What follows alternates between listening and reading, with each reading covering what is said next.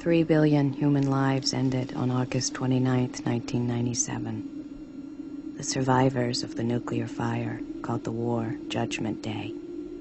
They lived only to face a new nightmare the war against the machines.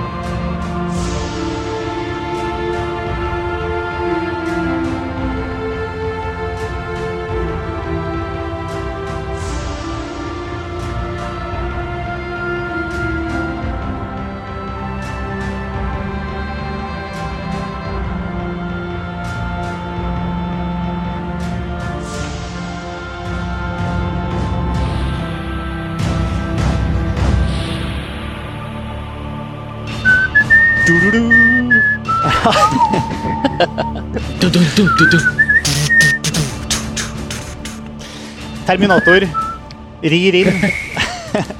vi har eh, sett fram til denne episoden her. Eh, vi fant ut for en del episoder siden eh, i Filmfrelst at vi alle sammen, mens vi snakka om Terminator Salvation, som kommer til sommeren, så oppdaga vi at, at vi alle sammen var veldig eh, Hadde spesielt forhold til alle Terminator-filmene, til hele Terminator-serien og mytologien. eh, med unntak av deg, Sara, som ikke, eh, som ikke var med oss da.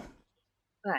Så vi fant ut at vi skulle prøve å lage en hel episode, en slags sånn retrospektiv, på, hvor vi gikk gjennom og prøvde å rett slett prate oss litt rundt og eh, gjennom eh, Terminator-serien og finne ut hva det er som vi syns er spesielt med det. Hva er det som eh, hva er det vi syns om de filmene? Hva er det som gjør at vi fortsatt bryr oss om dem? Og, og hva er det som gjør at vi gleder oss til, til å se Terminator 4? Eh, Men vi har også Erik eh, Fogel, Karsten Weinik og Eirik Smidesang Slåen og jeg, vi har sett eh, de her filmene. Jeg regner med at eh, dere som jeg så dem fra jeg så i hvert fall, For meg begynte med Terminator 2. Jeg så den da jeg var tenåring og oppsøkte på en måte Terminator 1 etterpå det. Jeg vet ikke hvilken rekkefølge dere så dem i, men stemmer det så Jeg langt? hadde samme, ja, samme inngang, faktisk. Ja, samme her. Jeg tror, jeg tror faktisk jeg så Terminator 1 først på en sånn dårlig VHS. Jeg ble skremt, for den var skikkelig skummel. Hvor gammel var du da? Da kunne jeg ha vært kanskje Jeg var kanskje tolv, litt senere, et par år senere etter den kom. Kanskje noe sånt. Så da er det jo interessant at vi har med oss eh, deg, Sara, som, eh, som så filmene her for første gang eh, i voksen alder. Altså nå nylig, faktisk. Siste uka. Ja, det var det. Det, Det er jo alle så spente. det tror jeg kanskje har en litt annen innfallsvinkel enn det dere har. ja, for, ja, for jeg mistenker at det er jo sånn med film og musikk at man blir veldig prega av det man uh, syns uh, er kult å se på i tenårene, og at det sannsynligvis preger veldig mye av, eh, av eh, hva man liker senere. Og... Ja, og så er det jo veldig tidsprega filmer. Du merker at den første kom i 84, som jeg har sagt. Og det er jo en stund siden nå i forhold til ja, filmens teknologier og det visuelle uttrykket som vi kanskje er vant til ved dagens filmer, da. Så, Det er mye stort hår i å oh, ja. Men uh, hvis, vi, hvis vi begynner der, da. Uh, The Terminator. Jeg regner med at alle som hører på sesjonen her, har eh, et visst kjennskap til, til Terminator. Men det var vel altså James Cameron sin gjennombruddsfilm i, på, i 1984 var en film som het The Terminator. Som handla om eh, at eh, i framtida, eh, og i ganske nær framtid, så blir nesten hele jorda ut Nesten hele menneskeheten blir utsletta av atomkrig. Og det er en atomkrig som er starta av, av maskinene, rett og slett. Av en, en AI. Og du ender opp i en sånn postapokalyptisk greie hvor det er maskiner mot den siste gjenlevende Altså roboter mot den siste gjenlevende resten av mennesker. Og det er ikke først og fremst der filmen er satt, for det som skjer, er at eh, når maskinene taper krigen, så sender de eh, en maskin tilbake via en tidsmaskin, altså tilbake i tid, til, eh, til 80-tallet, for å ta livet av mora til eh, opprørslederen for mennesker, som, leder menneskene til seier. Jeg finner ut at hvis de tar, eh, hvis de tar livet av mora til, til John Connor, altså tar livet av Sarah Connor, så vil, eh, vil de da slippe å tape krigen i framtida mot menneskene. Og sånn er settinga, og, og, og det er liksom startskuddet for det som er, har blitt tre filmer og en eh, tegneserie og en TV-serie og eh, mye rart. Og det her er action. Skikkelig hardcore eh, actionfilmer. Jeg, jeg, jeg, føler at jeg bomma med den beskrivelsen? Nei, det var veldig bra. Jeg vil jo legge til science fiction i tillegg til action. da. Eh, Det er jo veldig mye liksom, mytisk, filosofisk interessante temaer som de tangerer gjennom actionhandlingen. Bare for å skyte inn det. Det er det absolutt.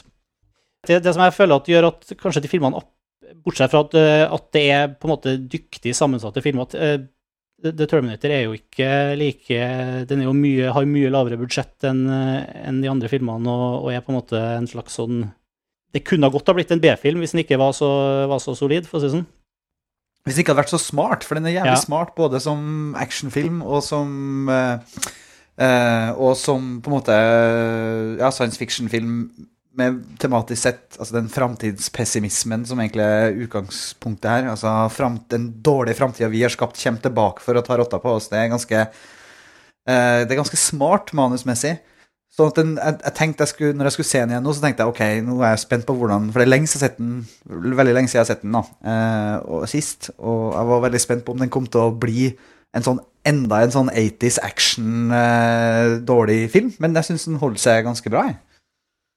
Ja, jeg syns jeg så den også nå ehm, om igjen, ehm, og den holdt seg kjempebra. Nesten så den var bedre nå. Eh, på mange måter så ble den første Terminator-filmen en film jeg oppsøkte nettopp pga. Terminator 2. Eh, sånn at det har jo noe med rekkefølgen man ser ting i også. sånn at da gikk jo jeg til den filmen med veldig mye kunnskap om universet, om Sarah Connor, John Connor, Terminator Altså, det var veldig mye um, Og det å prøve å omstille seg til at Schwarzenegger nå spilte the bad guy istedenfor the good guy.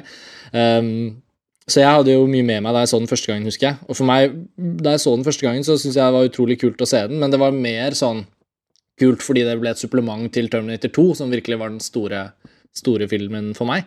Mens nå, da jeg så den denne gangen, så slo det meg at Terminator, altså originalen fra 84, er, er et utrolig Ja, du sa smart, det var veldig godt sagt, Erik, fordi jeg føler den er liksom sånn Den er veldig, veldig klok på den måten den er når den først skal være en sånn action science fiction-film, da. For den setter opp utrolig mye karakterøyeblikk på veldig kort tid, i en veldig komprimert setting. Eh, og det å på en måte For Sarah Connor må jo da akseptere at det kommer en robot fra fremtiden for å drepe henne som eh, på grunn av sønnen som hun skal føde. Samtidig så sender sønnen i fremtiden, voksne sønnen hennes, sender en soldat for å beskytte henne.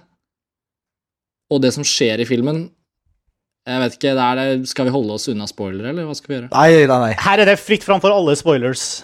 Ikke sant? Og det som så skjer i filmen, er jo da at uh, soldaten som den voksne sønnen hennes sender, blir faren hans. Altså, og, og det er noe de klarer faktisk å skildre uten at man sitter og sier nei, det er bare, herregud, dette blir for dumt. Den tar seg selv på alvor uten å bli selvhøytidelig, og den er veldig, den er gjort på en veldig sånn derre Jeg syns den rett og slett, det tenkte jeg på nå, at den er skikkelig sånn kunstnerisk sterkt gjort, rett og slett. Fordi den fokuserer så mye på karakterene. Jeg synes det forholdet mellom eh, Kyle Reese, som er eh, faren til John Connor, da, denne soldaten, eh, og Sarah, Sarah Connor, det, det forholdet der er så flott skildret. da. Og hans, Kyle Reese har liksom hatt et bilde av Sarah Connor gjennom hele, hele motstandskrigen mot robotene, som, og liksom hatt henne som en heltinne. da. Og det at han, han har en veldig sterk motivasjon for å reise tilbake og redde henne. Og, og Han har alltid elska. Ja, ikke sant? Og kontrasten til liksom iskalde Schwarzenegger Terminatoren. En, en bad guy som liksom ikke er bad guy fordi han vil noe. Han er bare programmert til å drepe. Det er liksom ikke noe, det er ikke noe den ene eller andre veien. Og han stopper aldri, han gir seg aldri. Og de tre tingene sammen gir den filmen en helt utrolig merkelig følelse av liksom science fiction, paranoia, action. Eh, det er veldig mye der, altså. Og det satte jeg skikkelig pris på denne gangen jeg så den.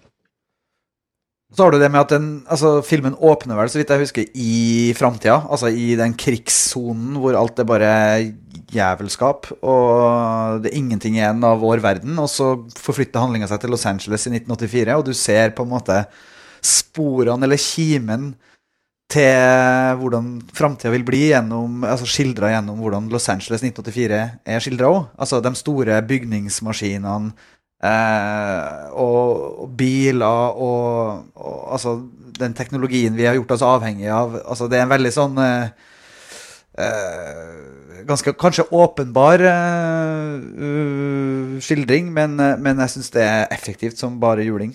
I scenografi og i foto og i andre, andre områder. Og ikke minst spesialeffekter. Mm. Det var jo helt avantgarde på sin tid. så det så- er det så godt gjort å få oss til å på en måte akseptere en sånn eh, et, hele konseptet eh, med med hele den storyen og med, som, som du sier, Karsten, at det, det er så eh, det er så overbevisende gjort. da, at du, at, Jeg vet ikke om Hvis du hadde lest manus, for eksempel, eller noe sånt, om du ville bare avfeie det her som noe helt som noe tøv, liksom. Sara, er det tøv? Ja. Det, det aner jeg. Det kanskje, kommer kanskje ikke som en overraskelse at jeg sier det, men, men eh, jeg, jeg, jeg fikk, så jo da eneren først. Og hadde ikke den bakgrunnshistorien. Nå har egentlig ikke jeg lest noe om det, annet enn at jeg har hørt The Terminator og jeg har hørt klisjeene av eh, det Arnold sier videre i de andre filmene. Eh, men det var det, den jeg kanskje, hadde kanskje forventa, som du sier, av spesialeffektene. Wow. Eh, nei, de var jo ikke det jeg, jeg så Det er kanskje feil å ha de forventningene som, og de kriteriene som man da har av å se de nye actionfilmene og se hvor bra det er nå, og da se på de tekniske tingene som jeg veit hvordan jeg kan fikse i uh, Avid sjøl, liksom. Det er liksom sånn litt Den var veldig 80-tallsfilm. Og det, det syntes. Og jeg ble litt sånn satt ut av hele historien pga. det. da, og Det er jo lættis å se hvordan disse, disse flotte damene i begynnelsen ser ut. Jeg, jo, jeg tenker jo på sånne ting. Veldig jentete å si, jeg vet det, men eh, Og også hvordan de damene utvikler seg gjennom trilogien. Eller i hvert fall fra, fra Terminator til Terminator 2. Det er jo fantastisk. og, og også videre til treeren er jo også ganske Men, Ja, men, men- i forhold til effekter, du føler at det var altså, Jeg er litt enig i eneren, så er det, det er særlig Jeg er egentlig veldig fornøyd med mye av det, som, med det meste av effekter til å være Altså, det er ikke top notch, liksom, men, eh, Det er en liten film i forhold til etterfølgerne, i hvert fall. men det, det, Ja. det eneste punktet i filmen er at jeg føler at det ødelegger litt for opplevelsen min, det er helt på slutten. Jeg syns det er en stop motion-klippene av roboten og sånn på slutten av eneren er litt for dårlige. Det, det, det henger ikke godt nok sammen liksom, med, med resten av materialet. Ja, jeg kan også legge til en Det er, derfor den, det er derfor den skal ses på VHS. ikke sant? Du må se den på VHS. Jo, men, jo, men da viskes de forskjellene ut. jeg, jeg er egentlig veldig, veldig, veldig uenig både med Sara om det de sier nå. fordi For det første, effektene de, de, har jo, de bærer jo preg av tidens tann, men, men det er jo ikke poenget. Det er ikke det som gjør at Terminator-universet fortsatt overlever. Poenget er jo at historien er fantastisk god. og Fotoarbeidet i Terminator 2 er fortsatt det beste actionfotoet jeg har sett noensinne. Og det, Ja, det er fortsatt Jeg prater Det er ikke om toeren nå, ikke kjempe- om Vi har, vi har ikke kommet til toeren. Jeg nei. ikke kommet til Men, det, som er, det, som det som poenget mitt, er at det er ikke, selv i den første filmen så er det ikke effektene som gjør at jeg på en måte elsker Terminator 1. Det er så bare at jeg syns det er en utrolig godt fortalt historie. Det som Karsten snakket om i stad med karakterutvikling og det å sette opp et univers. da. Uh, og jeg har faktisk egentlig aldri fokusert så veldig mye på de effektene jeg i Terminator-universet. For at sånn er det med alle filmer. altså Effektene de, de ser kjipe ut når det har gått to år, fordi sånne ting utvikler seg. Men det er liksom plottet, og det er karakterene og det er dramaturgien som er så utrolig fiffig. da.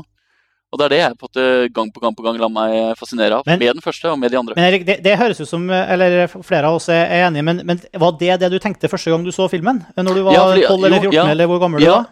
Faktisk, nå er jeg kanskje litt eh, For å være litt ærlig, kanskje jeg var litt frampå på sånne ting da jeg var litt ung, for at jeg har en foreldre som er veldig flinke på, på sånne ting. og se etter andre ting enn bare effekter. Men altså, når jeg så Terminator 2, så ble jeg faktisk først og fremst engasjert av uh, at den var så brutal. Som vi snakket om i stad. Jeg, bare- jeg hadde aldri sett en sånn film jeg, som var så hard og så uh, in your face. da. Og det var ikke først og fremst effektene som jeg, som jeg husker som var den store opplevelsen. Altså, det, var, uh, det var egentlig alt, alt sammen. En sånn helhet i filmen tror jeg ble ganske satt ut av. Men, men snakker du om toeren nå, eller eneren? Nei, toeren, og så gikk jeg tilbake som Karsten og så, og så den første, og fikk da eh, utfylt hele, hele fortellingen. Og igjen så var det på en måte ikke effektene som gjorde at jeg fortsatte å se på de da. Nei, men det, det, jeg, jeg skjønner godt hvor du kommer fra da, fordi toeren, når du får da høre historien i toeren, så gir den eneren en helt annen eh, mening og en helt annen utfyllenhet enn det den gjorde for min del når jeg så eneren først. så jeg tror dere har sett den på en måte på den mer riktigere veien å se det i, da. Fra, fra to til én. Ja, fra to til én.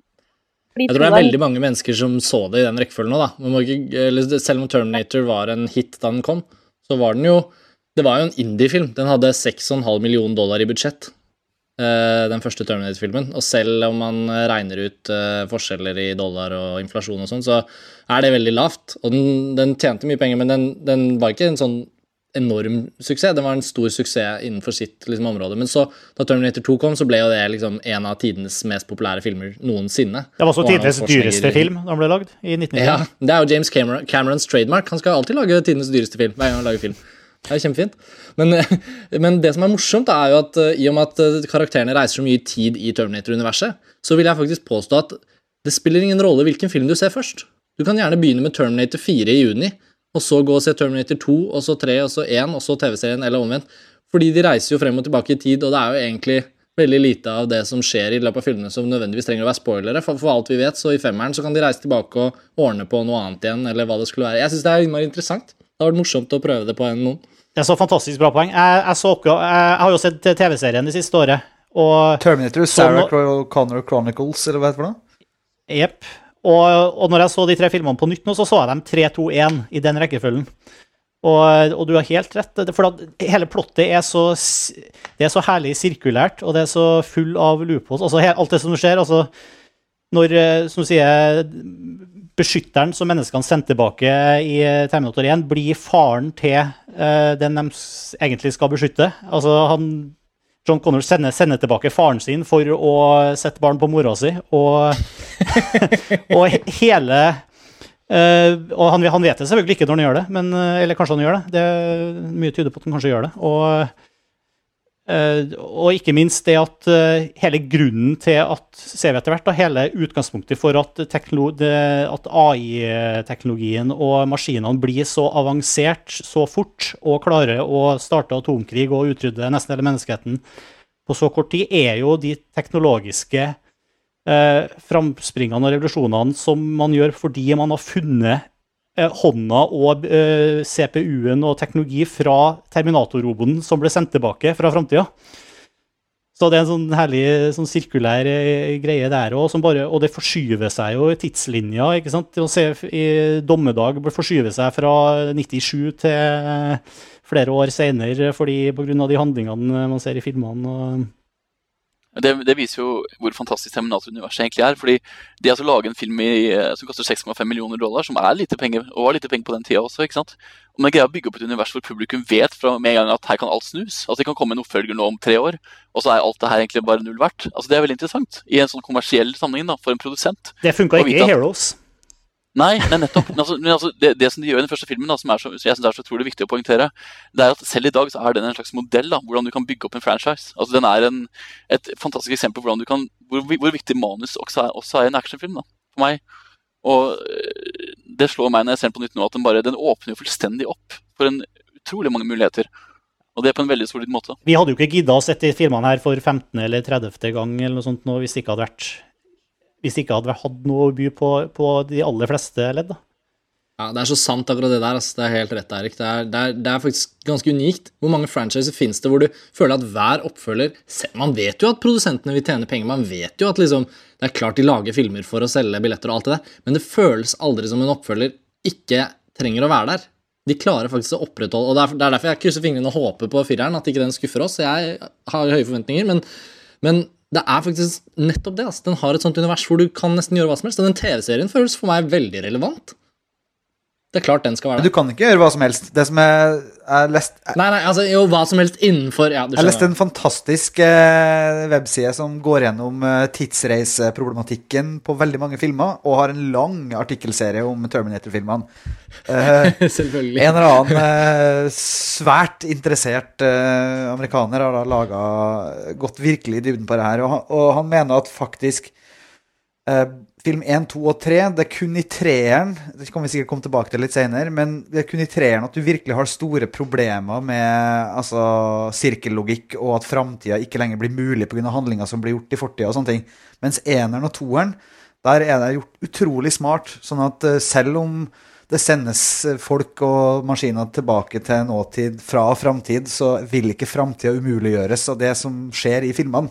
Eh, altså tvert imot. Eh, det henger veldig godt sammen hvis du går veldig nøye gjennom det, da. Ja, ikke sant. Det... Nå fikk jeg veldig lyst til å hoppe til treeren og snakke om den. men Ok, men uh, la oss ikke hoppe over La oss hoppe til toeren, Ja. da. Ja, nei, ok. Kan, La oss gjøre det. kan jeg si én liten ting til om eneren? For jeg så en sånn extended utgave som jeg ikke hadde sett før, med en del bortklipte scener og sånne ting. Eh, stort sett så var det dialogscener mellom Reece og, eller Kyle Reese og Sarah Connor. Uh, som var ålreit noe, det var interessant. Men uh, det mest interessante var en scene som egentlig uh, etter Altså det som skjer like etter at Arnold skyter den første Sarah Connor, som er ei dame i en forstad, eh, som han går gjennom telefonboka og leter Starter på den Sarah Connor som står øverst, og går og skyter hun, og så går han på neste. Men etter den første så får du se hva som skjer i sekundene etter han har begått det drapet. For originalen så klipper du bare bort og går videre til Sarah Connor eller noe sånt, men der ser du at Arnold snur seg, så ser du at nabolaget er i panikk, da. Han bare går kaldt og rolig tilbake til bilen sin og setter seg inn og kjører, mens du ser liksom ungene hyle, og naboene står og roper, og det er liksom sånn Det er bare en skikkelig eh, Altså, du får sånn gåsehud av den kulden til den maskina som Arnold spiller, og jeg kan forstå at den er klippet bort fordi det er veldig sånn det, altså Den hardheten du snakka om, Erik, den eh, kom fram veldig akkurat i den lille 15 sekunderen der. Og, men den scenen der begynner vel også med at eh, eh, Terminatoren kommer kjørende og kjører over en sånn trøkk, leketrøkk, gjør den ikke? Ja, ikke det, ja, det er det som inn, innleder scenen, og det er så kult bilde. Og den spiller, altså det er jo alltid en svær trøkk eller masse tungt maskineri med i store sekvenser der, og det, det er veldig heavy. og det er jo det som gjør mye av, av actionen så heftig òg, fordi det er liksom ikke Du har en unnskyldning for å lage en Rambo-figur her, når den er, han er en maskin som veier et Men tonn, liksom. Da, Men hvor fant du, hvor fant du senest av Erik? Hva sa du? Det er på en eh, special extended edition. Som er å få kjøpt, eller? Ja.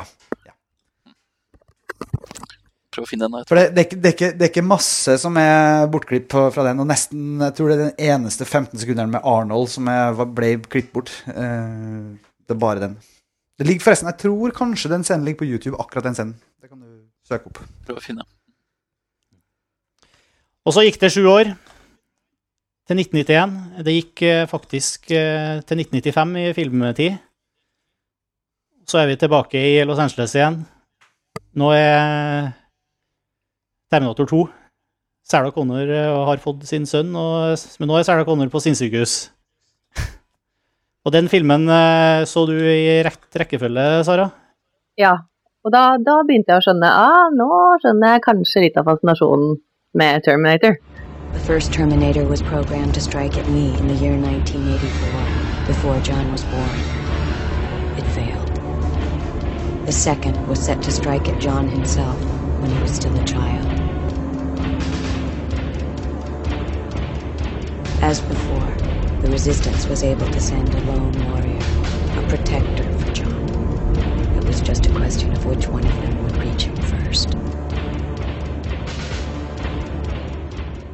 For etter eneren så klarte jeg dessverre ikke å skjønne liksom, hva, Er det her liksom det de prater om? Men når jeg så toeren, da er det sånn Det er et hopp i kvalitet og i både visuelt og historie, syns jeg. da, Fordi den fyller jo, som dere sier, fram og tilbake i tid. Den fyller ut uh, ting som jeg syns kanskje er litt tynt i eneren. Mens toeren er eh, Der får jeg faktisk vite hvem Sarah Connor er, og bli kjent med henne. Selv om hun er her på, på sinnssykehus, så er hun en karakter som er veldig mye sterkere og har veldig mye mer i, Stråler mye mer gjennom eh, skjermen nå, enn hva jeg syns gjorde i eneren. Uh, og toeren er liksom til menn, hvis jeg kan si, si det på den måten. Det er liksom Men det, det er vi kanskje enige i alle sammen, at det er det som er Det er jo perlen i serien. Så jeg vil kanskje anbefale også andre og vi som ikke har sett én, to eller tre også, å begynne med, med toeren, da. Fordi den er en bra film, selv om den til tider er litt sånn Har litt sitater her og der som er veldig blir veldig klisjé pga. historien, eller pga. det man har hørt om Terminator etterpå. Og du mener Hasta la vista, baby? For eksempel, ja. Den, jeg klarte jo ikke, Det jo jeg gull, klarte ikke å ta den seriøst i det hele tatt. Det, Ja, men det er jo her de klisjeene oppstår. det, det er jo det. Jeg har jo bare hørt det før sagt. Jeg har ikke hørt det i den settingen i det hele tatt. Og det ble bare corny. Men altså, Men- I'll, I'll be back-scenen er jo fra Terminator 1 er jo, den er jo Den er jo skikkelig kul. Sy, syn- syns du ikke det er en kul scene? Når han, når han sier til han uh, clerken i politistasjonen I'll be back. Og så kommer han tilbake og kjører gjennom hele resepsjonen. Yeah! Altså, det, det, det, er jo, det er liksom Ja, det er her det kommer fra, liksom. Det er kilden. Jeg, jeg, altså, jeg, jeg, jeg har jo også Det er veldig mange filmer jeg har sett etter å ha hørt sitater opp gjennom årene, på en måte. Men jeg må jo si at jeg får veldig ofte grøss på ryggen igjen, når jeg ser sitater på ordentlig i filmen. Altså Tatt av Inn, eksempel. Første gang jeg så den, så fikk jeg grøss på ryggen når det kom kjente sitater. Fordi det er noe med at da blir det levende kulturhistorie. da. Man har så mye, man har, så mye, man har hørt det mange ganger før, og så ser man i filmen, og så bare Oi, shit, der kom det, liksom. Og det, det får jeg fortsatt når han sier det Terminator 1 og 2, altså. det grøss på ryggen. Men jeg synes det, sånn, det, det Det ble litt for parodi på seg selv fordi jeg har hørt det så mye og ikke klarte å se det i den settingen. Men også sånn fra, både fra eneren og toeren hvor de sier 'come with me if you wanna live'. Det er liksom Måten det sies på, det er jo ikke engang en maskin som Eller det er jo ikke Ja, det er vel ikke en maskin som sier det.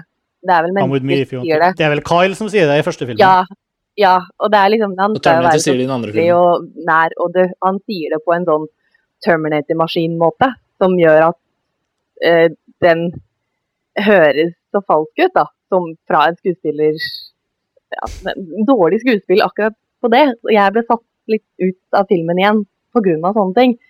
Men i toeren så skal jo Da er jo Schwarzenegger en maskin, så da er det på en måte unnskyldt.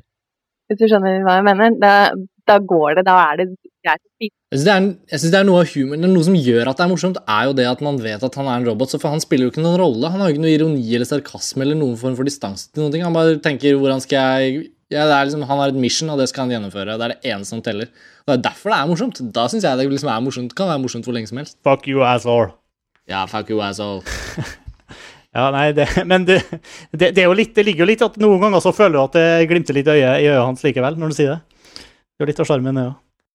Ja, bare- da må man også lese filmen på den måten, og da være fullstendig klar over at han er en maskin. Og, og være veldig i det universet og skjønne det. Og det gjør de jo også etter hvert i løpet av filmen. Da blir Ja. det mindre corny å høre han. og så er det en maskin som eh, etter hvert blir eh, antar mer og mer menneskelige dimensjoner. The more contact I have with humans, the more I learn. Som man sier. Kan vi ha en episode hvor du bare kommer med Turner-sitater? Det vil jeg gjøre på. Jeg kan komme med en bra nå. Uh, what is your address there? Sier han i første. Ja, address. Eller, kan, give, eller give me your address there. Den østerrikske aksenten er forferdelig. Det er rett etter, det er rett etter at han har etterligna stemmen til bestemora til Ja, ja, ja. men, men det er faktisk eh, I toeren allerede så begynner det også å bli selvironi, da. Altså, det er jo masse Altså, det er jo humor allerede i, helt i starten i toeren når eh, han går på motorsykkelbar og så leter etter eh, riktige klær, og da er jeg tydeligvis programmert til Altså Arnie, da. Programmert til å like eh, svart lær og solbriller og, og, og sånne ting. Så det er jo liksom Og det er jo gjort med veldig glimt i øyet. Og bad to the bone. Ja, det blir ikke tydeligere enn det, egentlig. Nei, så jeg, så jeg tenker den, den selvironien er viktig. da. Den, den er på en måte helt umulig, egentlig. Som du sier, Karsten, han er jo en robot. Han har ikke noe, skal ikke ha noe ironi, han. Eller noe selvinnsikt på det der, men eh, han Så, har så, det, så den er jo, Terminator er jo mye mer eh, Hva skal vi si Mye mer crowd-pleaser. Og mindre mørk, egentlig, enn eneren. Ja, det vet jeg ikke, ass. Jeg syns Terminator 2 fremdeles er en av de absolutt skumleste uh, filmopplevelsene jeg ikke har klart å fjerne øynene mine vekk fra mens jeg har sett den. Enig i dere atomkrigskildringa der er ganske bad. Den er Og rå. måten han eh, Hva heter han? T-1000? Altså han andre han oppdaterte Terminatoren, husker jeg ikke navnet hans. Um, Ja, han heter er jo helt- T1000, ja. Mm. Ja, ikke sant? Uh, spilt av Robert Patrick. Altså, den scenen som mer enn noe annet liksom eh, hjemsøker meg, og Sara kom inn på det i en tidligere samtale, det er jo da når han har, har på en måte blitt til stemoren til John Connor og står og snakker i telefonen med stemorens stemme. Hun er stemoren. Og så bare panner kameraet til høyre etter at telefonsamtalen er over, og så ser vi liksom stefaren tredd inn på hans da spydformede metallhånd gjennom munnen, ut bakhodet, hvor han bare henger og drypper. Altså, det bildet der kommer jeg aldri til å glemme. Nei, det, og hun har så stygt Hun har så Blikket til stemora der er så rått. Ja, forferdelig. Iskaldt. Jeg, jeg føler på en måte, ut ifra det jeg kjenner vet om James Cameron, og sånn, så er det Jeg tipper at han liksom fant på mer liksom bygd hele filmen rundt at han skjønte at nå kunne han eh, Han er jo en sånn teknologifrik, ikke sant? Nå skjønte han på en måte at uh, nå kunne vi få til å lage det her og få det til å se bra ut. Det den filmen har jo nesten ikke digitale effekter, bortsett fra uh, den eh, T1000-modellen. Og mye av eh, filmen er jo bygd altså I hvert fall mye av actionelementene er jo bygd, og for så vidt plottet er jo bygd rundt, eh, rundt, at, altså, rundt at den maskinen kan eh, imitere og, og endre fasong. Mimetic polyalloy.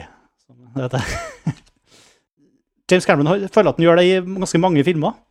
Jeg føler også at The Abyss, for eksempel, som er en av mine favoritt-Cameron-filmer, er føler også er en sånn Det virker som han eh, på en måte klarer å få vanvittig mye penger til å lage, til å leke seg med, med ting, fordi han er fascinert av, av teknologi. Liksom. Jo, men, men, men det er litt det samme med toeren som med eneren. At det, det funka som bare juling med at digitale effekter det var nytt, men vi kjøpte jo rått i 1991.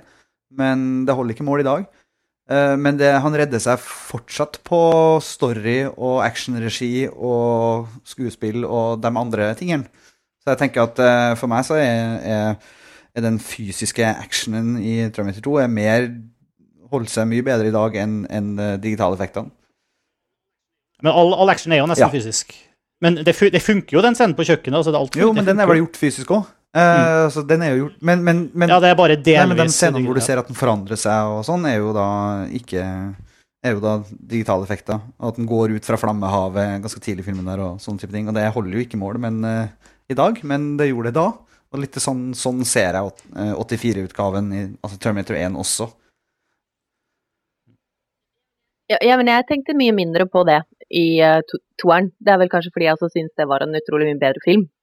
Mye mer interessant og mye lett, men lettere å leve seg inn i. Derfor så så jeg ikke på de visuelle effektene på den samme måten som jeg da gjorde mot, til, eller på eneren. Fordi jeg ikke syns eneren var noe særlig bra. Kan vi, kan vi snakke litt grann om en ting som gjør Terminator 2 så utrolig bra? Sarah Connor. jeg, tenkte på, jeg tenkte på hvor utrolig bra, hvor fascinerende det er at de klarer å skrive inn dette forholdet mellom John Connor og uh, roboten. Det snakket Eirik og jeg litt om, for vi så den sammen i fjor. eh, eh, Men det, det forholdet der, at han faktisk klarer å bygge en slags nesten far-sønn-virkelighet med da denne roboten som, vi, som var den ultimate bad guyen forrige filmen, det, det er altså I en actionfilm jeg bare, jeg gir meg ennå overrasket. Det er ikke bare, bare Det er ikke uten grunn da, at denne filmen eh, har blitt kalt kanskje tidenes beste actionfilm. Nettopp pga. det som ikke er action, det som fyller ut, det som gjør oss engasjert. Ja, Det, det nevnes jo i treeren nå, så sier jo han som spiller John Connor der, at eh, det var jo kanskje den eneste farsskikkelsen jeg har møtt siden rett ut. Men det sier vi rett ut i toeren nå. Det er vel Sarah Connor som sier det. In, uh, in, in a world gone crazy, this is the sanest choice of a father, eller noe sånt, Ja. Et eller annet, eller noe i den duren. Jeg husker ikke nøyaktig. Det er jo, altså, Jeg må gjenta det jeg sa helt starten, når vi ikke snakka om toeren. Det er det at det, liksom, det er den der overhengende historien som fascinerer meg. altså. Og pluss, som Karsten sier, det derre far-sønn-forholdet som er i, er i toeren, er jo utrolig engasjerende. Og Sarah Connor er utrolig engasjerende som karakter. altså jeg, liksom, jeg, jeg, jeg blir liksom provosert når folk snakker om at det er liksom uh, en actionfilm, fordi det er en actionfilm, og det er tidens beste actionfilm, men det er også en utrolig bra dramafilm på veldig mange måter. Den, han tør liksom å legge inn en del ting som tilhører andre sjangere enn action, og, og så funker det. Eh, og det jeg, liksom bare, jeg er så engasjert i Sarah Connors historie, så jeg bare jeg sluker det rått. altså. Og det, det, gjør jeg, det gjør jeg ikke veldig ofte med action. Jeg sitter her nå liksom eh, og har for lengst fylt 30 og kan se de filmene igjen med Og da er jeg veldig bevisst alt det her som vi sitter og snakker om nå, ikke sant? Med, med story og, og, og karakterutvikling og samspill og, mens, mens Og nå har jeg sett eh, flere av de filmene her, eh, flere titalls I hvert fall Terminator har jeg sikkert sett 20 over 20 ganger. Men det når jeg så det for første gang, som eh, i tidlige tenårene, så, så var det Det meste av det her la jeg ikke merke til, i hvert fall ikke bevisst. Da var det først og fremst en utrolig fet actionfilm for meg. Ja, jeg, jeg er faktisk ikke helt enig. Jeg, jeg, jeg, tror jeg først ble veldig tiltrukket av at det var så mystisk. Altså det, det mytiske universet i Terminator. da. Fordi selv når man er ti år, så er man engasjert av mystikk. Altså det, eh, altså det er derfor veldig mange altså Barn elsker jo Disney-filmer, for Disney-filmer er er har masse hi- historie og masse karakterer som er rare. og Man blir engasjert i de, ikke sant? Og på samme måte ble jeg engasjert i disse robotene og Sarah Connor. Altså, for meg så har det alltid vært den der overhengende mystikken, da, eller det mytiske universet i Terminator. Og selv når jeg så den første gangen, så var det det som eh, engasjerte meg. Pluss, nå i dag, det som gjør at den holder seg så utrolig godt, er at den fortsatt er fantastisk teknisk veldig avansert, også, også bortsett fra effektene. Altså, den er utrolig godt klippa og, og fotografert, og vi har ikke engang begynt å snakke om musikken. Altså, det er så mye mer enn bare, bare spesialeffektene som gjør at den er avansert. Da. Det, Men da, apropos barn. Når jeg, så, jeg husker at det jeg alltid hadde tenkt på fra første, i hvert fall, eller fra veldig tidlig når jeg, så de filmene her. Jeg, og jeg var i samme alder som, eh, som eh, mer eller mindre som eh, John Connor i Terminator 2. At eh, Som alltid har plaga meg litt. Det går, altså, første filmen finnes det i 1984, og andre filmen, eh, Terminator 2, finnes det i, eh, foregår i 1995. Nei, 1997. Han er 13 år. Er du sikker på det? Eh, Jeg har slått opp. For jeg, Jeg er sikker på at det ikke er Deo Judgment Day som er i 1997. Jo, ikke, men det skjer samme året. Men de avverger det jo. Jeg Er sikker på at handlinga i Terminator 2 er satt til 1997? Han skal i hvert fall ifølge Wikipedia så er han 13 år eh, blitt han John Connor når vi møter han i Terminator 2. Og da er jo det Ah, minst i 1997. ja. ja, for han er jo 13 år, han Edward Furlong. Jeg trodde bestandig at eh, filmen foregikk i 1995. Altså. Da ville han vært eh, maksimalt 10 år. Ja, ikke sant? Og det var alltid det som plaga meg litt. Men hvis jeg har bomma på datoen, så forklarer jo det saken. Hmm. Det kommer vi til å finne ut av. Det, vi, det tar vi et senere. jeg syns alltid det var så usannsynlig at han skulle være ti år, og så springer han ut og være så tøff og kjøre eh, sykkel og Må ikke, må ikke glemme at i Terminator 3 så får vi vite at uh, han eh, kysser eh, hun jenta uh, kvelden før han møtte Terminator for første gang. Her står det på IMDb Skynet has found a way to send This is the story of the Terminator sent to kill the resistance leader in 1995 while he is still a child. What? I mean, det er, fra, det er written by Anonymous, så jeg vet ikke om man skal ta ja, kildekritikken på den, kanskje. Jo, men eh, det er ikke første gang jeg leste der. Jeg hadde jo ikke, til, jeg hadde jo ikke Wikipedia da jeg så filmen her første gang. Nei. Uh, written by Ricky Steck, står det. Ja. Det står jo eh, på Wikipedia Terminator 2 13 years after Sarah Connor destroyed the original Terminator blah, blah, blah, blah. Ja. Må se filmen på ny, da. Men det må, ikke huske, må ikke glemme at Wikipedia også er skrevet av Anonymous, da, så hva vet du. kan vi, ikke, kan vi ikke overlate jobben til eh, lytterne og prøve å svare oss i kommentatorfeltet? De som vet mest, de svarer. det, det ligger jo timeline på alle ekstra DVD-ene her òg. Ok, men da er det en liten konkurranse ut til lytterne. Når foregår Terminator 2? Hva er, pre hva er premien, da? Det er. Terminator 3 på DVD, som jeg kjøpte på flyplassen i London i dag tidlig og så på flyet. Det- Den kostet meg to pund. Det står 1995. Også på themovietimeline.com. Martin, Martin gir seg ikke. Martin gir seg ikke. Nei, jeg, Kanskje Men nå det er du som vinner, du vinner. Terminator 3 på DVD. Kjempepremie. ja, ja. Um, Skal vi gå Ja, over ja. til å snakke om den, kanskje? Terminator 3. Ja. Er vi Ja. ferdig med toeren, altså? Nei, jeg er vi ikke ferdig? ferdig med er toeren. Altså. Man blir jo aldri ferdig med den. vi kan si noe om musikken, da, Erik, som du Det er jo virkelig her det Terminator-temaet virkelig slår gjennom i ny orkestrert versjon og med full tyngde. Den er jo, Terminator 1 har jo Kan veldig sånn Det er jo Brad Fiedel som skrev musikken. Mm. Jeg, jeg la velge merke til når jeg så Terminator 1 nettopp. Her er det, det er veldig sånn uh, syntprega soundtrack der. Skikkelig sånn Skal vi høre litt på det, eller? Det kan vi gjøre.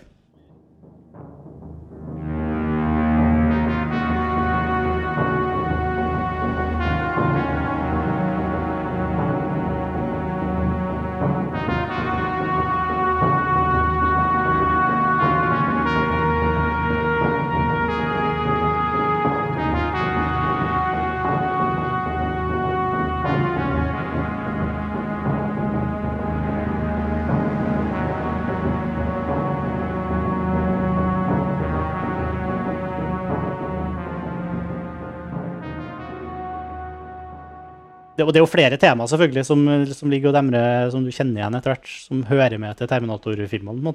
Men det er jo særlig åpningstittel, eh, veldig enkle melodien. Jeg digger jaktmusikken i den første filmen. Som er sånn uh, Ja, jeg også. Ja, ikke sant? si. Er litt, litt sånn abstrakt, jagende elektronisk musikk som er Ja. Bam, bam, bam, bam, bam. Det er litt avantgarde. Og så sånne synt, syntstabs. Du, du, du. Nå, nå, nå begynner det å skje noe. Dette er bra. Men det er så mye, da. Altså, altså, bare de der atom... Uh, Stan Winston sine hva heter det, nuclear war-scenarioer. da. Alle de der, den der le lekeplass-settingen uh, syns jeg er helt bare åh, den, er så, den er så bra. Det er så fantastisk bra. Stan Winston.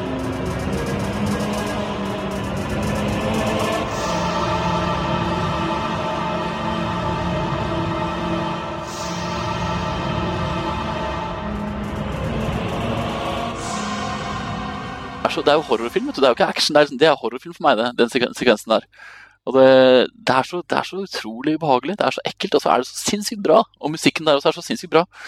Så jeg, Det er da jeg får sånn nerdetilting når jeg ser på Terminator. Når de scenene kommer. Da bare sitter jeg og hopper. Og de kommer jo på, som perler på en snor i Terminator 2. Det er ja, jo bare klassikere, Ja, scene på scene på scene. Altså action, Den derre bilscenen nedi de der Hva kaller man det? De tørre Kanalen. kanalene, eller hva i Los Angeles?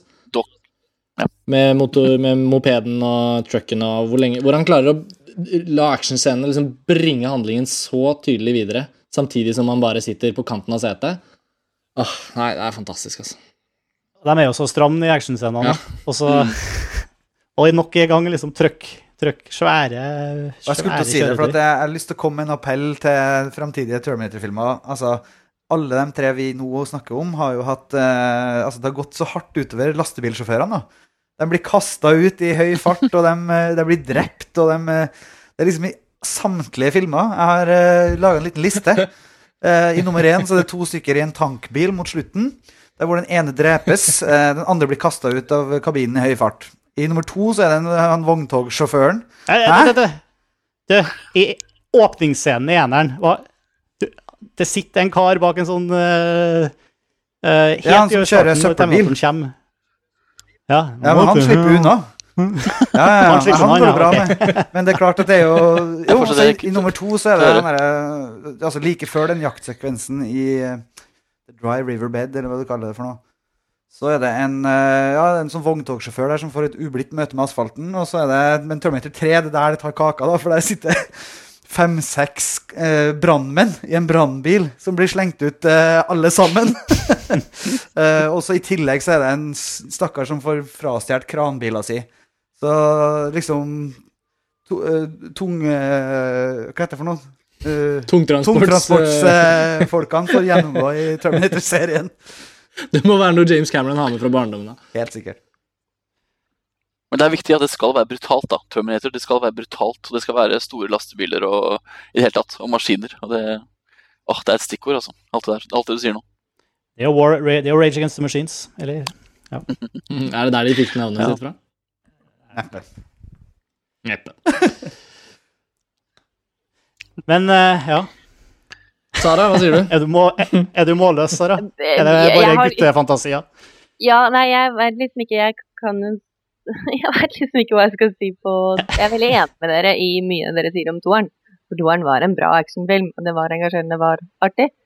Men eh, Men Den- det var liksom Det er ikke sånn wow, det må jeg se igjen og igjen og igjen. Men det jeg likte best med toeren, var vel egentlig Sarah Connor. Eh, og den eh, hun i den psych... Når hun da er inne, innesperra, så spiller hun veldig, veldig bra. Og hun er en karakter som er veldig sterk, og det ser man på en måte ikke i eneren. Og den, hun liker jeg bra, og hun tar filmen videre. Fordi jeg kan ikke fordra Arnold Schwarzenegger.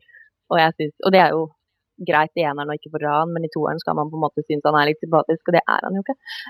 For meg, iallfall. Men hun tar filmen videre og gjør at den blir bra likevel. Så Nei. Jeg syns jo det er veldig fin eh, sånn eh, kurve på fra Jeg, Jeg syns jo ikke hun er svak i eneren heller, egentlig. Da. Hun, er hun starter som en veldig normal dame, liksom. Hun, hun vokser jo veldig mye bare i løpet av den filmen. Da. Jeg er helt enig med deg, Martin. Jeg synes, Ja. Veldig bra karakter. Ja, men det er først i toeren vi kommer inn på henne og ser henne bedre, syns jeg, da. Og så er hun så tøff i toeren. James Cameron Ja. kan det der med kvinnekarakterer, altså. Uh, nå var det ikke han som skapte Ellen Ripley, men i Aliens. For en utrolig, For en utrolig bra film det var, eh, i Alien-serien. En annen filmserie vi forhåpentligvis skal kunne dedikere en hel episode til. Men, men James Camerons liksom det er, det er faktisk utrolig tøft, altså. Det er ikke mange gode eh, kvinnelige actionfigurer opp gjennom film... Eller figurer generelt. Det har vært altfor få, i hvert fall, opp gjennom filmhistorien som blir liksom så ikoniske. Og Sarah Connor Det var ikke så rart at hun ble hovedpersonen i den TV-serien de da begynte på for noen år siden. Men nå skal det, vel også sies eh, James Cameron og Linda Hamilton som spiller Sarah Connor, var vel også gift? Var det etter eneren? De ble vel gift etter toeren, ble de ikke? Ja, først så var han gift med produsenten Gail Ann Hurd, Ja, nettopp. som, han ja. produser, Ja. som produserte Terminator 1. Og skrev. Og var med Skrev, skrev. skrev. Ja. Mm. Ja. ja, vi må huske henne. Hun er sannsynligvis ganske viktig i hele sammenhengen. Vi skryter jo enormt mye av James Cameron her, men det var jo flere. Hun var også med som executive producer på toeren, så jeg. Eh, Men det som skjedde etterpå, var interessant. Det er kanskje en god overgang til, til å snakke om treeren, fordi da var jo Da ble det skilsmisse med Cameron og Hamilton. Og da ba Linda Hamilton, i hvert fall ifølge Wikipedia, om å få rettighetene til franchisen, og fikk det. Og solgte videre med en gang til da Mario Casar, eh, som eh, var en av produsentene på toeren. Så han og partneren hans, uh, Vaina, hva heter han eh, mer? Jeg er usikker. Så dem da satt plutselig på det og kunne lage treeren uten Cameron. Uh, og da måtte uh, Arnold gjennom mange runder for å bli overtalt til å bli med når Cameron ikke var med lenger. Men, men så ble på en måte treeren likevel noe annet, sånn i utgangspunktet. Og det var mye frykt. Jeg var også blant dem som frykta for at det kom til å bli ganske dårlig. Ja, vi gleda oss ikke, så jeg gleder meg ikke så mye til treeren, husker jeg. Alle lave, ja, lave forventninger. Jonathan Mostow heter de, heter regissøren. Relativt uprøvd. Men uh, når det er sagt, så må jeg si at det var et gledelig gjensyn med treeren altså, her uh, uka her. Ja, det syns faktisk jeg også, overraskende nok. Eh, De tar jo selvreferansen og ironien til nye høyder, som, som du kanskje syns var på kanten i toeren, Sara. Ja, og jeg kan vel la jeg Behøver ikke å legge skjul på at treeren, det, uff, den måtte jeg pine meg gjennom.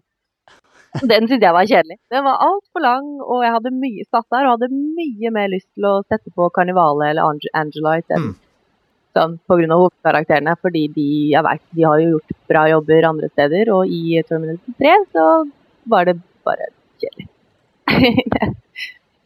det, var, det var mye action, og altfor mye action, og altfor lite av den storyen som er interessant, interessant i toeren. Den er på en måte fortalt, og den eh, gir ikke noen overraskelser i treeren, bortsett fra eventuelt slutten, da, som kanskje kan komme som en lite, ja, liten twist. Men eh, den, den the action, eh, bilkjøringene og det, det, det, det ga liksom ikke så mye for min del. Så jeg syns treeren var eh, slitsom å se. Og må dessverre si at den syns jeg var veldig dårlig igjen. Toeren kan jeg gå med på, den var veldig bra. Eneren, nei. Treeren, nei. Så fireren, vi får se. Ja. jeg som vil svare på det? Jeg, vil, jeg, vil, jeg kan være litt enig i at den er Den har jo lite karakter og veldig mye action, ja. Eh, Men den syns også faktisk Og det her kan være at jeg får mye motstand på, men jeg syns faktisk seriens beste biljakt, altså bedre enn den i den vi snakka om med motorsykkel og lastebil i toeren, det er den som kommer eh, ganske tidlig etter den første trefninga mellom Arnold, som nå møter den nye kvinnelige super-terminatoren TX. Der er det i hvert fall den der biljakta som er hvor de kjører en liten pickup, og den kranbila kommer etter dem. Eh, den syns jeg faktisk var helt enormt kul å se. Og den virker som en veldig god blanding av fysisk, fysiske effekter og, og visuelle effekter, som er helt sånn sømløs. Det er veldig kult. Når, når, den, når den biler tryner, når den velter og den, altså når den går på hodet, liksom, da er den heldigital. ja, det så jeg, men før det så er det utrolig mye kult som virker som er gjort i kamera, hvor Arnold, eller altså ikke Arnold, da, men altså noen eh, henger etter, altså, eller henger i krana, og den blir liksom dura gjennom masse hus, og det er liksom Det syns jeg var ødeleggelse på et eh, svært respektabelt nivå. Verdig Terminator-serien. Men, men jeg, jeg syns den er best for at det er faktisk den scenen i treeren som tør å ta ut det brutale ved Terminator-serien. Det er den scenen som gjør det. Altså fysisk brutalitet. da. Uh, derfor, jeg syns også den scenen er den beste actionscenen i hele serien. Jeg tenkte på, jeg så den jo i dag på flyet. Jeg så den jo da den kom på kino, og da husker jeg veldig godt at jeg likte den. Og jeg tror det har veldig mye med slutten å gjøre. For jeg syns jo underveis at den skrangler seg litt sånn av gårde, i hvert fall i forhold til karakterene og sånn. Men slutten på filmen syns jeg gjorde alt, og da syns jeg den bare knytter seg inn i resten av serien og bare sier at den er en viktig del av det hele. Men angående den actionscenen så tenkte jeg på en ting i dag. Jeg, husket ikke, jeg skjønte ikke hvilken, hvilken actionscene det var den minte meg om. Det var en actionscene jeg hadde sett ganske nylig, og så tenkte jeg det er et eller annet. Og så, så plutselig kom jeg på det, fordi jeg la merke til at de ikke bruker musikk i denne bilscenen i Terminator 3. Det er ikke noe musikk, det er bare effekter, lydeffekter. Utrolig effektive lydeffekter. Og det er det samme de gjør i den biljakten i The Dark Night, som også slutter med en trøkk som vendes opp ned og på hodet. Det er ganske mange likheter faktisk mellom de to scenene. Eh, Det tenkte jeg litt på mens jeg så den i dag. Men trucken er ikke CG-animert i The Dark Knight. Nei, det nettopp, det var, det var nettopp det jeg tenkte på. Så. Finishen er enda mer imponerende. Ja, er faktisk. Og litt bedre karakterer også i The Dark Knight. Den truckscenen er jo helt fantastisk. Den, den andre, en av de andre store scenene i filmen her, som de brukte, som hadde store problemer med å lage, syns jeg faktisk ikke er ble så veldig effektiv. igjen. Det er jo ikke en actionscene, men det er den scenen hvor uh, Det er en morph-scene, rett og slett, som de la liksom ti måneder i. Hvor uh, På kirkegården, når hun eh, TX har antatt formen til kjæresten til Claire Danes Mm. og blir transformert til Christiana Lauken. Og eh, det ser rett og slett ikke bra ut, syns jeg. Selv om de, det er en av de mest avanserte, mest tricky scenene de gjør. Det en, ting som, en ting som spiller inn der, er jo at akkurat den Gravlund-greia det er, en, det, er sånn, det er ikke et valg av location, det er ikke en produksjonsdesign som føles som den hører hjemme i Terminator-serien. Det er liksom på lyse dagen på liksom Gravlund, litt sånn Alt er litt sånn kleint, liksom. Enig, den er Og kjempeklein. når Arnold med, Arnold med den der kisten som går ut Det er liksom bare et eller annet som bare er litt off med hele scenen. Og når den spesialeffekten da kommer der ut i lyse dagen, litt sånn tilfeldig klippet inn Altså Det er veldig rart klippet også, der hvor Claire Dane ser mot kjæresten sin, og så begynner hun å tvile. Og det er liksom bare et eller annet som er helt off, altså, med, med den biten der. Ja, skikkelig mislykka, syns jeg. Ja. Og eh, Men også det som ødelegger jeg det, hun, Claire Danes er jo ikke noe spesielt kul figur i den filmen i hele tatt, syns jeg. jeg. I motsetning til det, liksom, det blir så antiklimaks etter at du har sett eh, Du vet liksom hvor eh, kul Sarah Connor er i Terminator 2, og så er Claire Danes nesten bare sånn skrike sipenteroller som skal være redd i treeren, liksom. Nei, er ikke Claire Danes ganske kjedelig ganske generelt som skuespiller? Ja, Jeg- Jeg, jeg, husker, jeg husker når jeg så den castingen at jeg tenkte shit, Claire Dane skal hun inn i Terminator-universet. Hun er jo virkelig de kjipeste kvinnelige skuespillerne jeg kjenner. på en måte. Og hun skal inn der. Og jeg syns det ble kjempekjedelig. Ja, forholdet til faren i han militære Brewster og Utrolig påklistret. Ja, det, det, er mye, det er mye som ikke er så elegant gjort i filmen her, altså. Men det som er farlig med det, er jo at det, nå er det det, jo, det er jo ny manusforfatter ikke sant, på film nummer tre. Det er jo ikke lenger James Cameron og Gail Ann Hurt som skriver manus. Og i den fjerde filmen så er det jo også nye manusforfattere, så jeg mener Det er det som er ekkelt. ikke sant? Det er ikke de originale folka som skriver manus, det er nye, nye folk. Det kan være skummelt. Og det er jo nye folk i rollene hele tida. Det er jo ny John Connor hver, hver eneste film. Ja, men de har vært ganske bra casta. da. Det har vært ganske interessante valg eh, de har gjort. Nick Stahl er jo kul. Ja, synes jeg. Absolutt. Det var jo en av de veldig positive tingene med Terminator 3. At det, ikke bare ligner han på en eller annen måte, føles liksom, han føles jo som John Connor. Men han er jo en veldig interessant type, liksom, type skuespiller. Veldig sånn anti-stjerneaktig, liksom. Og det, det var en annen ting jeg tenkte på i dag, var at har Terminator-filmene egentlig vært eh, litt eh, dårlige for de skuespillerne som har vært med? Altså med unntak av Arnold. Hvis du tenker på alle skuespillerne som har spilt sentrale roller i Terminator-serien, det er jo ingen av dem som har liksom egentlig er så veldig profilert, eller store profilerte eh, skuespillere innenfor andre type filmer. Hva skjedde med Christina Loken, eksempel? Ikke det at hun var så fantastisk bra i Terminator 3, men liksom, hun spilte i en gigantisk film som veldig mange mennesker så, men hun forsvant jo. Og Michael Bean, selv om jeg digger han som skuespiller, så er han også underbrukt, liksom. Selv om han var utrolig bra i The Terminator. Og Edward Furlong, stakkars, som hadde kjemperolle i Terminator 2, han forsvant. Hva sier jeg, hvem min uh, favorittkar som går igjen i alle tre filmene? Doktor. Dr. Silverman. Doktor Silverman. Ja, ja, Det, er så, det er så artig når han kommer i treeren. Det tror jeg kanskje er favoritt. Bortsett fra den actionscenen eh, som vi snakka om, så er den scenen med han i treeren eh, Da lo jeg godt, altså. Men, men med alt han har gjennomgått da med Terminator-action i de tre filmene, så skulle jo det, han, han er jo den som er sprø, som ikke sjøl tror på hva han har sett. Ikke sant? Og det, da lo, jeg lo også veldig godt med 'Talk to the Hand', da, altså. Now. Ja, det er morsomt, det er. Jeg synes det var sinnssykt. Det tok litt av med solbrillene etterpå. Det var kanskje et, et takk for mye igjen, men eh, Nei, jeg syns det var bare for gøy. ja. Men det er en viktig spoiler i treeren, eller en viktig sånn bit med informasjon vi får vite i hele Terminator-universet. Det er jo at Altså, det handler om endelikten til John Connor. Ja, med det å gjøre. For vi får vite der eh, Nå har vi jo vel sagt at det er spoilers eh, galore i den eh, episoden her av Filmfrelst, men vi får vite at John Connor blir drept i framtida. Og at det til og med er den samme Terminatoren som er med Altså Arnold eh, i treeren, som gjorde det, bare at han ble omprogrammert etterpå. Det er jo ny Terminator, eh, Arnold-Terminator i treeren. En, det er ikke sammen som i toeren, men han, Samme- det var han som drepte den. Ja. Samme modell. Men det, Han drepte John Connor, og så sender Claire Danes han tilbake. nettopp. Og da Det Claire sier, jo, Danes det, kona sier til jo, John Connor. det sier jo alt. Liksom, Claire Danes sender tilbake Terminator. Det kan ikke bli mer feil casting, liksom. Ja, det er jo helt grusomt. Claire Danes liksom skal returnere Terminator. Det er jo helt feil.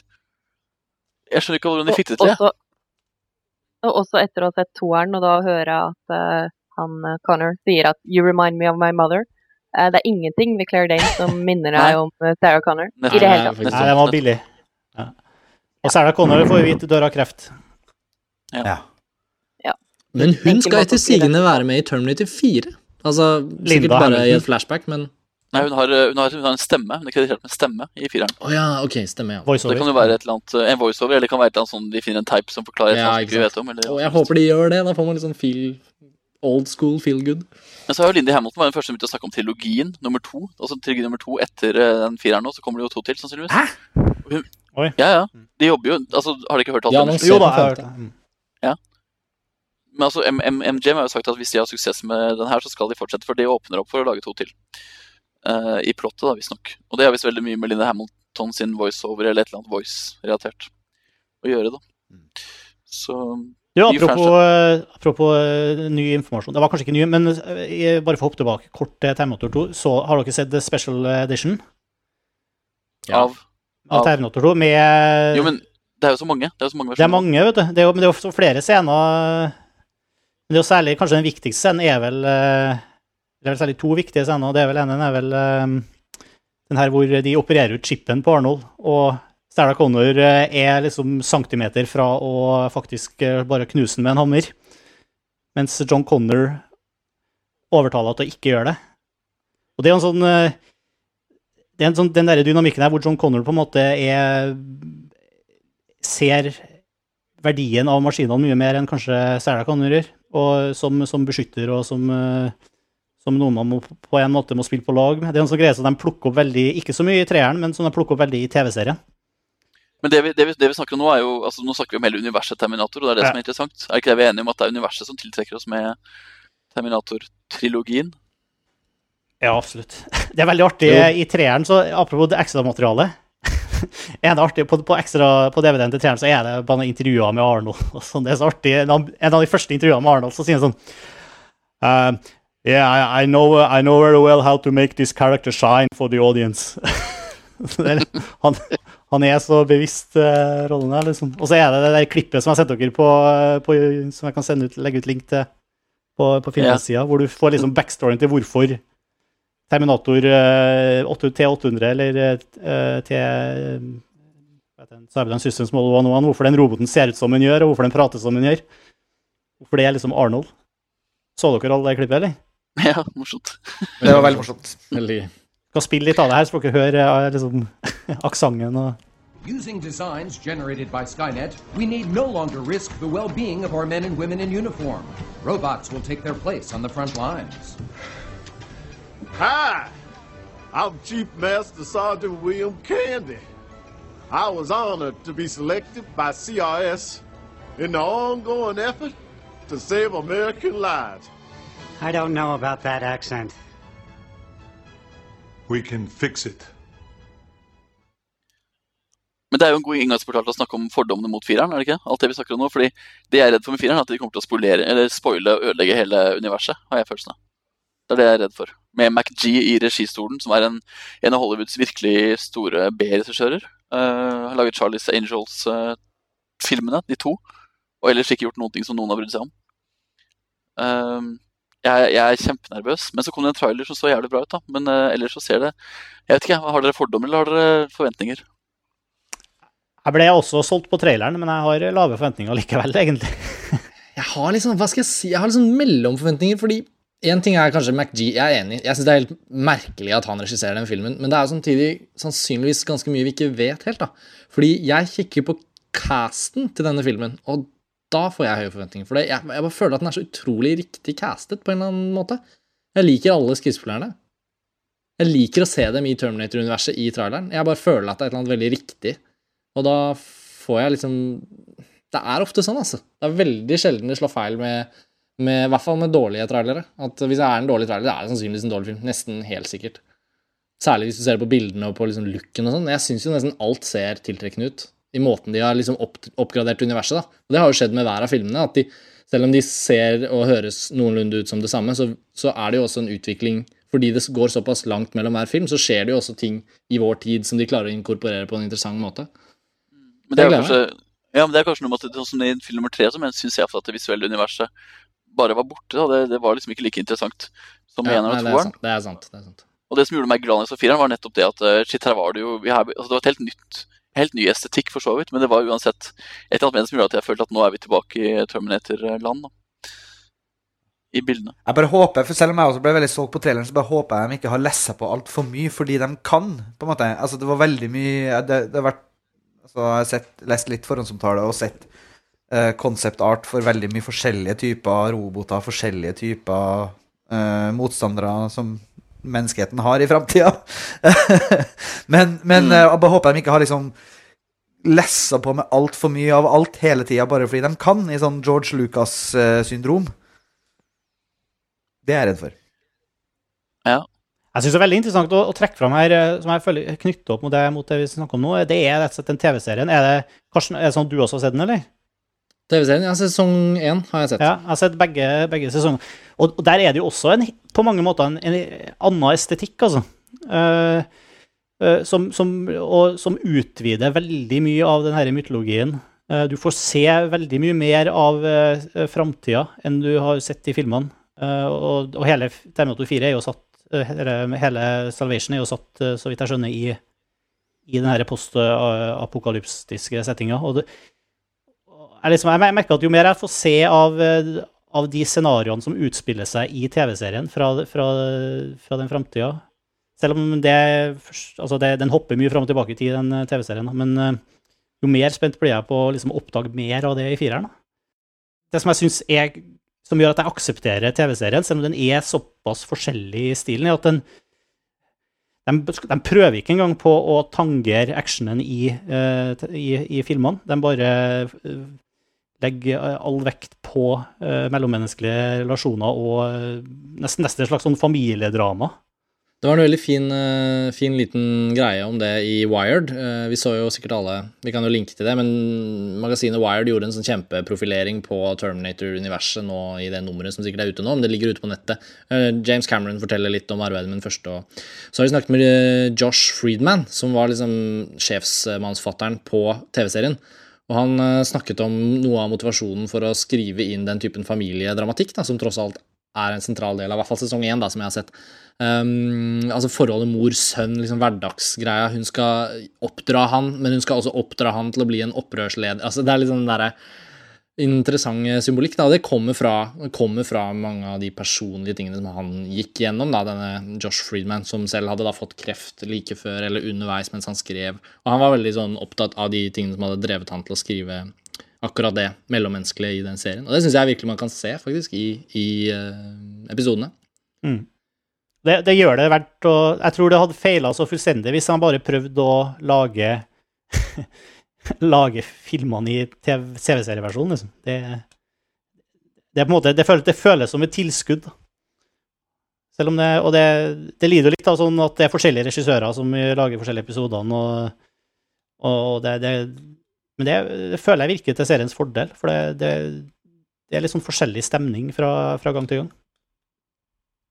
Du Liker du det, Karsten? Syns du Ja, ja altså jeg gleder meg til å gå løs på sesong to. Jeg har liksom ikke helt uh, kommet til det ennå, men, uh, men absolutt. Jeg likte det veldig godt. Og så liker jeg Lena Headey, hun som spiller Sarah Connor i TV-serien. Hun, uh, hun Første gang jeg så henne, det var en norsk film som heter Aberdeen, hvor hun spiller den kvinnelige hovedrollen.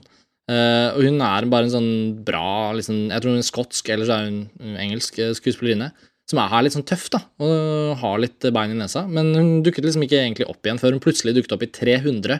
En film jeg for så vidt uh, hater som uh, bare det. Men uh, der er hun også. Og så tror jeg pga. Stjernestatus, litt stjernestatus etter den filmen, så fikk hun rollen som Sarah Connor. Jeg syns hun er et kjempekult valg. Og hun er jo hovedpersonen i TV-serien. Og han som er castet som John Connor, er en sånn anonym type, men, men som serie og som driv, den har bra driv, liksom. Så jeg så den sesong én sånn kjapt og fort. Er det kun to sesonger, eller? Ja. ja. og nå er ryktene sier at den ikke kommer til å gå utover de to sesongene som har blitt laget. Kanskje også fordi de har laget en ny film og har lyst til å fokusere på det. Jeg vet ikke. Ja, ja. Er det, er det noe vi ikke har det noe vi må si mer? Det er jo så mye å ta tak i. Det er, det er jo masse paradokser. Er det noe som irriterer dere med filmene? Jeg vet om én ting nemlig som alltid har irritert meg litt, bortsett fra det med at jeg syntes Sean Connor var var for ung, eller for gammel til å være så ung, men det var ja, til 1995-1997-greia, som jeg ikke vet om jeg hadde rett til å irritere meg over en gang. Jeg har en. Ja. Det er i eneren, så er det en sånn logisk brist for meg. Altså midtveis i filmen, når, eller, ja, når Arnold moser gjennom hele politistasjonen på jakt etter Kyle, Kyle og Sarah, eller på jakt etter Sarah, da, så skjønner jeg ikke hvordan logikken til, til Kyle og Sarah er at de stikker av og drar langt vekk eh, og gjemmer seg under en bru, en sånn, eh, eller sånn eh, undergang. Hvorfor de ikke da drar til, nest, til en ny politistasjon og får mer beskyttelse. Fordi jeg tenker at etter at 30 eh, politifolk uh, så De passer på å si det i starten av scenen at oh, we got 30 cops in this building, og det her skal gå så bra. Så etter at 30 politifolk har blitt massakrert eh, av eh, Terminatoren eh, Arnold, så ville jo de ha vært ganske motivert til å beskytte Sarah litt bedre neste gang og kunne ha hjulpet dem. Altså kunne, kunne fått mye hjelp da, hos politiet, men det vil de ikke. Noen som de, er med på den? De, de, skjønner vel at politiet ikke kan, ikke kan hjelpe? Ja, men du, altså, de klarer jo å fikse jo biffen sjøl til slutt lell, da. Altså Kyle og Sarah. Så hva er Altså, hva med 5000 politifolk, da? Det burde jo hjelpe. Eller altså, skjønner du, det er bare en sånn Man skulle tro at uh, Kyle, som er vant til en framtid hvor uh, menneskene holder sammen, at han ikke uh, er interessert i å og, At de ikke er interessert i å få politibeskyttelse etter det. Jeg skjønner ikke. Ja. det er ingen, noe... som er, ingen som er enig? Jeg tenker bare Nei, Erik, Erik, Erik, jeg tenker bare Erik, du er en nerd, tenker jeg. Når jeg hører på alt det her. Du er en stor Jeg har mye, jeg har mye mer nerdete innvendinger. jeg har en kjempenerdete innvending mot film nummer fire. Det er at Danny Elfman skal lage musikken. Altså Danny Elfman, En av mine favorittkomponister, men som ikke kan lage sånn musikk som det er i Terminator-universet, skal lage musikken. Det tror jeg kan bli forferdelig grusomt. Det er min store nerdeinnvending. Mm. Feil komponist i film nummer fire. Tidlig å si, kanskje? Eller, nei, nei, han, nei, han, kan ikke lage sånn musikk. Nei, han er uh, ikke riktig valg i det hele tatt. Altså. Hva, hva, skjedde liksom med James Newton Howard? Er Brad Fiedel? Nei, han er litt utdatert, dessverre. Sara, da? Har du noe du irriterer deg over? Eh, eneren og treeren? Eh, toeren, eneren, toeren, treeren. Generelt. Ja. Nei, men eneren og treeren generelt som filmer.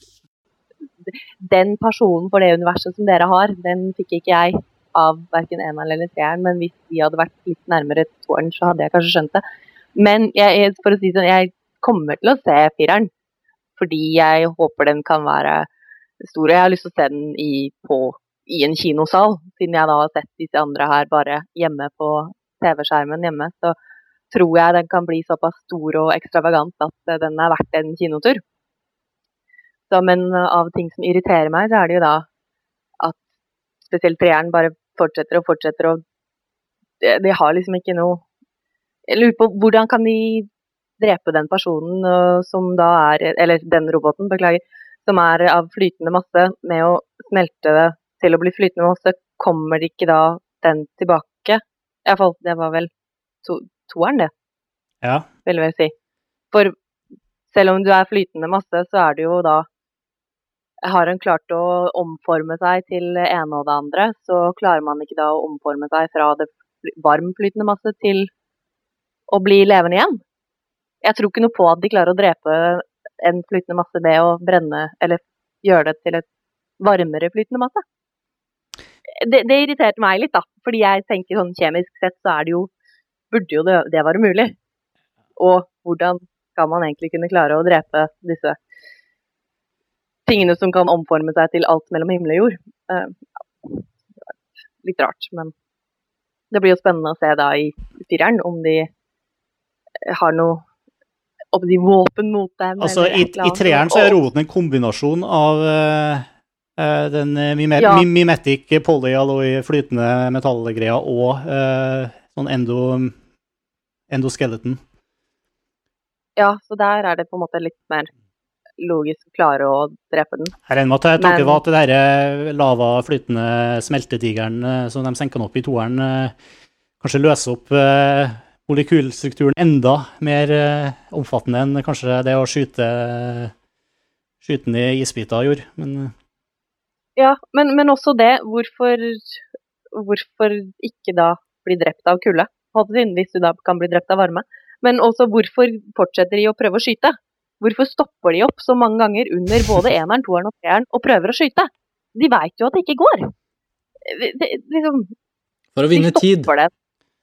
Ja, men det er ikke alltid de vinner tid heller. De stopper jo opp Mm. for å vente på at de kan skyte. det burde bare sprunget. Når de Ja, det er jo eneste måten å komme seg vekk, det er jo å løpe. Hvorfor fortsetter de ikke bare å løpe? Eller Ja. Det. Eller hvorfor kommer de ikke med en varm, flytende masse med en gang i treeren, når de veit at det funka? Å drepe dem med? Hvorfor prøver de ikke engang? Gode, gode Liksom, innvendinger. ja. Jeg, jeg, jeg har alltid lurt på hvorfor de er nødt til å eh, reise naken gjennom tida. Når de er maskiner. Ja. hvis, hvis, hvis poenget er at de ikke kan sende klær eller materie, altså stæsj gjennom.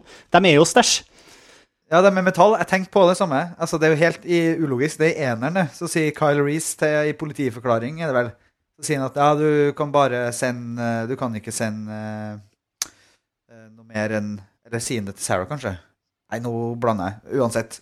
Du har helt rett. Ja, Hvorfor kan You, man sende you, you can't en send weapons eller objects eller et eller annet. Det var det. eh, Det var det. Det var i politiavhøret. Jo, nei, Mm. fordi at du kan bare sende, sende øh, kjøtt. Liksom, men, Ja. de, men de sender jo det største våpenet av alle, som er Arnold Schwarzenegger, som er et skjelett. Men de kan ikke sende eh, face plasma rifle in the 40 megawatt. Nei. det er bra. Ja, Så, nei, det, det er den ene greia som, som er liksom Og hvorfor sender de ikke flere terminatorer når de først får kontroll på tidsmaskina igjen? I eneren så er det sånn at de fikk liksom sendt én før de, og så ødel, sendte de Kyle, og så ødela de tidsmaskina eller noe sånt, men eh, hvorfor ikke sende ti sånne T1000, eller ti Ja. sånne TX? Ja. Men, men en, en annen sånn skikkelig ting er at det her er selvfølgelig et ting for, som for, at det skal se kult ut på film, men det irriterer meg alltid likevel. at Det er jo veldig ofte at du får se ting gjennom øynene på Terminatoren. Og da får du liksom se sånn head-up display, og du har masse kode som går over skjermen, og liksom eh, du har targeting, og når han skal prate, så får han liksom opp en meny over eh, mulige svar og sånn. Det er jo aldri i livet at en maskin ville ha fungert på den måten her. At, altså, sitter han, han trenger jo, En sånn robot trenger jo ikke å se et bilde av valgene sine for, som han så skal se på igjen for å gjøre et valg. Eller for å liksom eh, Altså, all den prosesseringa vil jo foregå i maskiner uten at det er noe sånn visuelt som, eh, som svarer til det. Altså, det sitter ikke en liten eh, robot inni roboten og ser på skjermen over hva roboten ser, for å gjøre, for å gjøre valg, på en måte. Det, det er bare helt Altså, det er ikke en liten skjerm inni PC-en min som, eh, som, eh, som PC-en sitter og ser på for å gjøre ting. Å, si ikke det. Har du sjekka maskina di for Skynet-infeksjon? Ja, nei, det er bare sånn, det, sånn ulo, det virker helt sånn ulogisk at, eh, at det skal være så mye informasjon på innsida av øynene til roboten. For å ta det jeg nevnte tidligere når vi snakka om tidsreiseproblematikk. I treeren, Det som er det store problemet med tidsreisene fram og tilbake i film 1, 2 og 3, det er at eh, den TX-en, den kvinnelige Terminatoren, eh, klarer Altså starter jo filmen med å begynne å ta livet av dem som skal bli eh, medhjelperne til John Connor i framtida. Altså, hun vet jo ikke hvor John Connor er. Det er jo en enorm tilfeldighet for øvrig at han og karakteren til Claire Danes møtes. Men det er en annen sak. Men i hvert fall Hun driver og plaffer ned folk som på det tidspunktet er vanlige tenåringer og unge folk, som eh, ikke vet at de i framtida skal bli eh, motstandsfolk. Men poenget er at hvis den Terminatoren lykkes med det, så vil jo de aldri eksistere. Ergo vil aldri grunnen til at TX-en blir sendt tilbake, være der. Så der, der har du den derre eneste store logiske bristen. Eller hvis de ikke hadde sendt tilbake T800-en i første film, så ville maskinen aldri kunne ha blitt bygd, for da hadde de ikke funnet robotånda. Nei, og det, men det er det som er så genialt, men derfor, foran- derfor funker det i Terminator 1. Fordi eh, den er jo Alt det som skjer der, muliggjør jo hele framtida. Så da er det greit. Mens her, ja. Mens her er det et problem i framtida. Framtida kan ikke skje, fordi den, uh, uh, den TX-en tar livet av noen sånne Altså noen folk som vil være viktige i framtida, og grunnen til at hun blir sendt tilbake. Mm. Jaså. Jeg skal legge ut linken eh, til den sida hvor du kan lese alt om det her, hvis du, om eh, såkalte N-jumps og sawtooth og i det hele tatt. Det er veldig mye terminologi om tidsreiser og problematikk som noen andre enn meg har lagt ned veldig mye ta- tankearbeid om. No fate but what we make. Eh, Er det den store, ultimate, overhengende filosofiske poenget her? Nei, det er 'vær redd for brødristeren din', det er det som er det store filosofiske poenget her. Det trenger vi på en T-skjorte. Frykt din brødrister. Det er jo Battlestar Galactica all over again. Jepp. Nei, jeg, jeg syns dette var utrolig Jeg følte jeg har selv fått mye Nå får jeg lyst til å se alle filmene enda en gang. Jeg håper ikke det har blitt too much for eh, lytterne våre. Har vi smitta litt over Ja, eh, entusiasmen, Sara, eller er- har det ikke funka? Jo, som sagt, så vil jeg jo se fireren. Det ville jeg jo overhodet ikke før uh, den praten her, egentlig. Så fordi det er jo Ja, det, det er Jeg klarer ikke helt å se den entusiasmen dere har for hele uh, greia, men, men når Jeg har ikke tenkt på det med at universet er faktisk så fascinerende heller, for jeg har sett på dem litt mer som enkeltfilmer, kanskje. Og med det her i bakhodet, så tror jeg vil få mer ut av å se videre fram og tilbake. Jeg håper ingen tid og videre ut, ja, utfall. Så jo. Kanskje du burde gi Sarah Croner Chronicles en sjanse? Ja, kanskje. Nei, det er ganske mange andre serier som står øverst altså foran på lista enn den. Men eh, ja, vi skal gi fireren en sjanse. En fair chance, Det du skulle gjort, vet du, Sara det, Nå blir jo det litt annerledes enn i Terminator-filmene, men hvis du hadde hatt muligheten til å reise tilbake og bli liksom 14-15-16 år og se de her filmene på kino når de kom, da tror jeg Sånn som vi gjorde, så Men jeg har faktisk aldri, jeg har, jeg har ikke sett filmen her på kino. Jeg eneste jeg har sett på kino, er treeren. Sier du det? Jeg så toeren på kino. jeg var ikke gammel nok til å se de her på kino da de kom. Så, de her filmene har, har jeg bare sett i bedre og bedre kvalitet. Til hvert som jeg, de har gått liksom fra VHS til DVD og så videre. Så det, det har man bare vokst på den måten for meg. Men det kunne vært et forslag til Oslo kino, da, hvis de har lyst til å ta lanseringen av Eller ikke bare Oslo kino, kino rundt omkring i hele landet. Om de hadde lyst til å ta lanseringen av Terminator Salvation seriøst, så kunne de jo faktisk kjørt en Marathon. Terminator-retrospektiv. Maraton. Ja, maraton Jeg har kjempelyst til å se eneren og toeren på kino. Eh, eh, Vi har jo eh, virkelig lagd en eh, episode om Terminator nå, føler jeg. Gått gjennom filmene, sett på paradokser og alt og ting som plager oss. Eh, Er det noe vi ikke har sagt? Er det noe usagt? Da kan vi jo ta det i kommentarfeltet. Det har jo vært gøy å høre litt hva lytterne ønsker å diskutere videre, som kanskje ikke vi har tatt opp.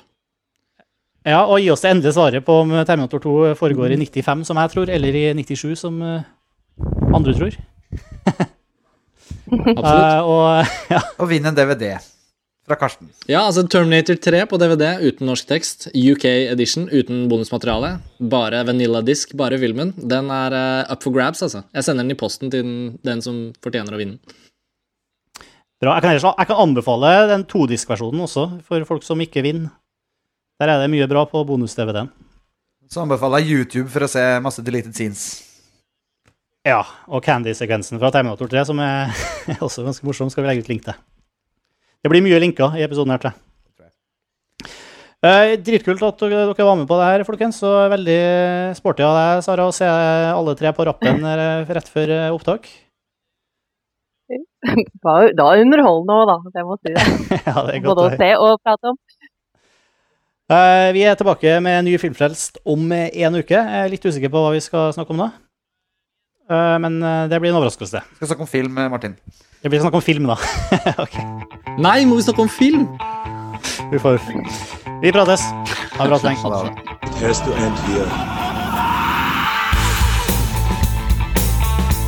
Filmfrelst er en ukentlig podkast. Du finner oss i iTunes eller på filmfrelst.no.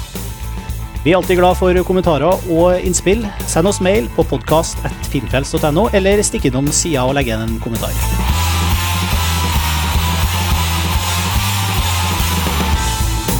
Flere av oss her i Filmfrelst skriver også jevnlig om film på det norske nettstedet montage.no. montages.no. Så ta gjerne turen innom eh, der også. Og musikken du hører nå, den er fra det norske bandet Ping. Hør mer på thepingpage.com.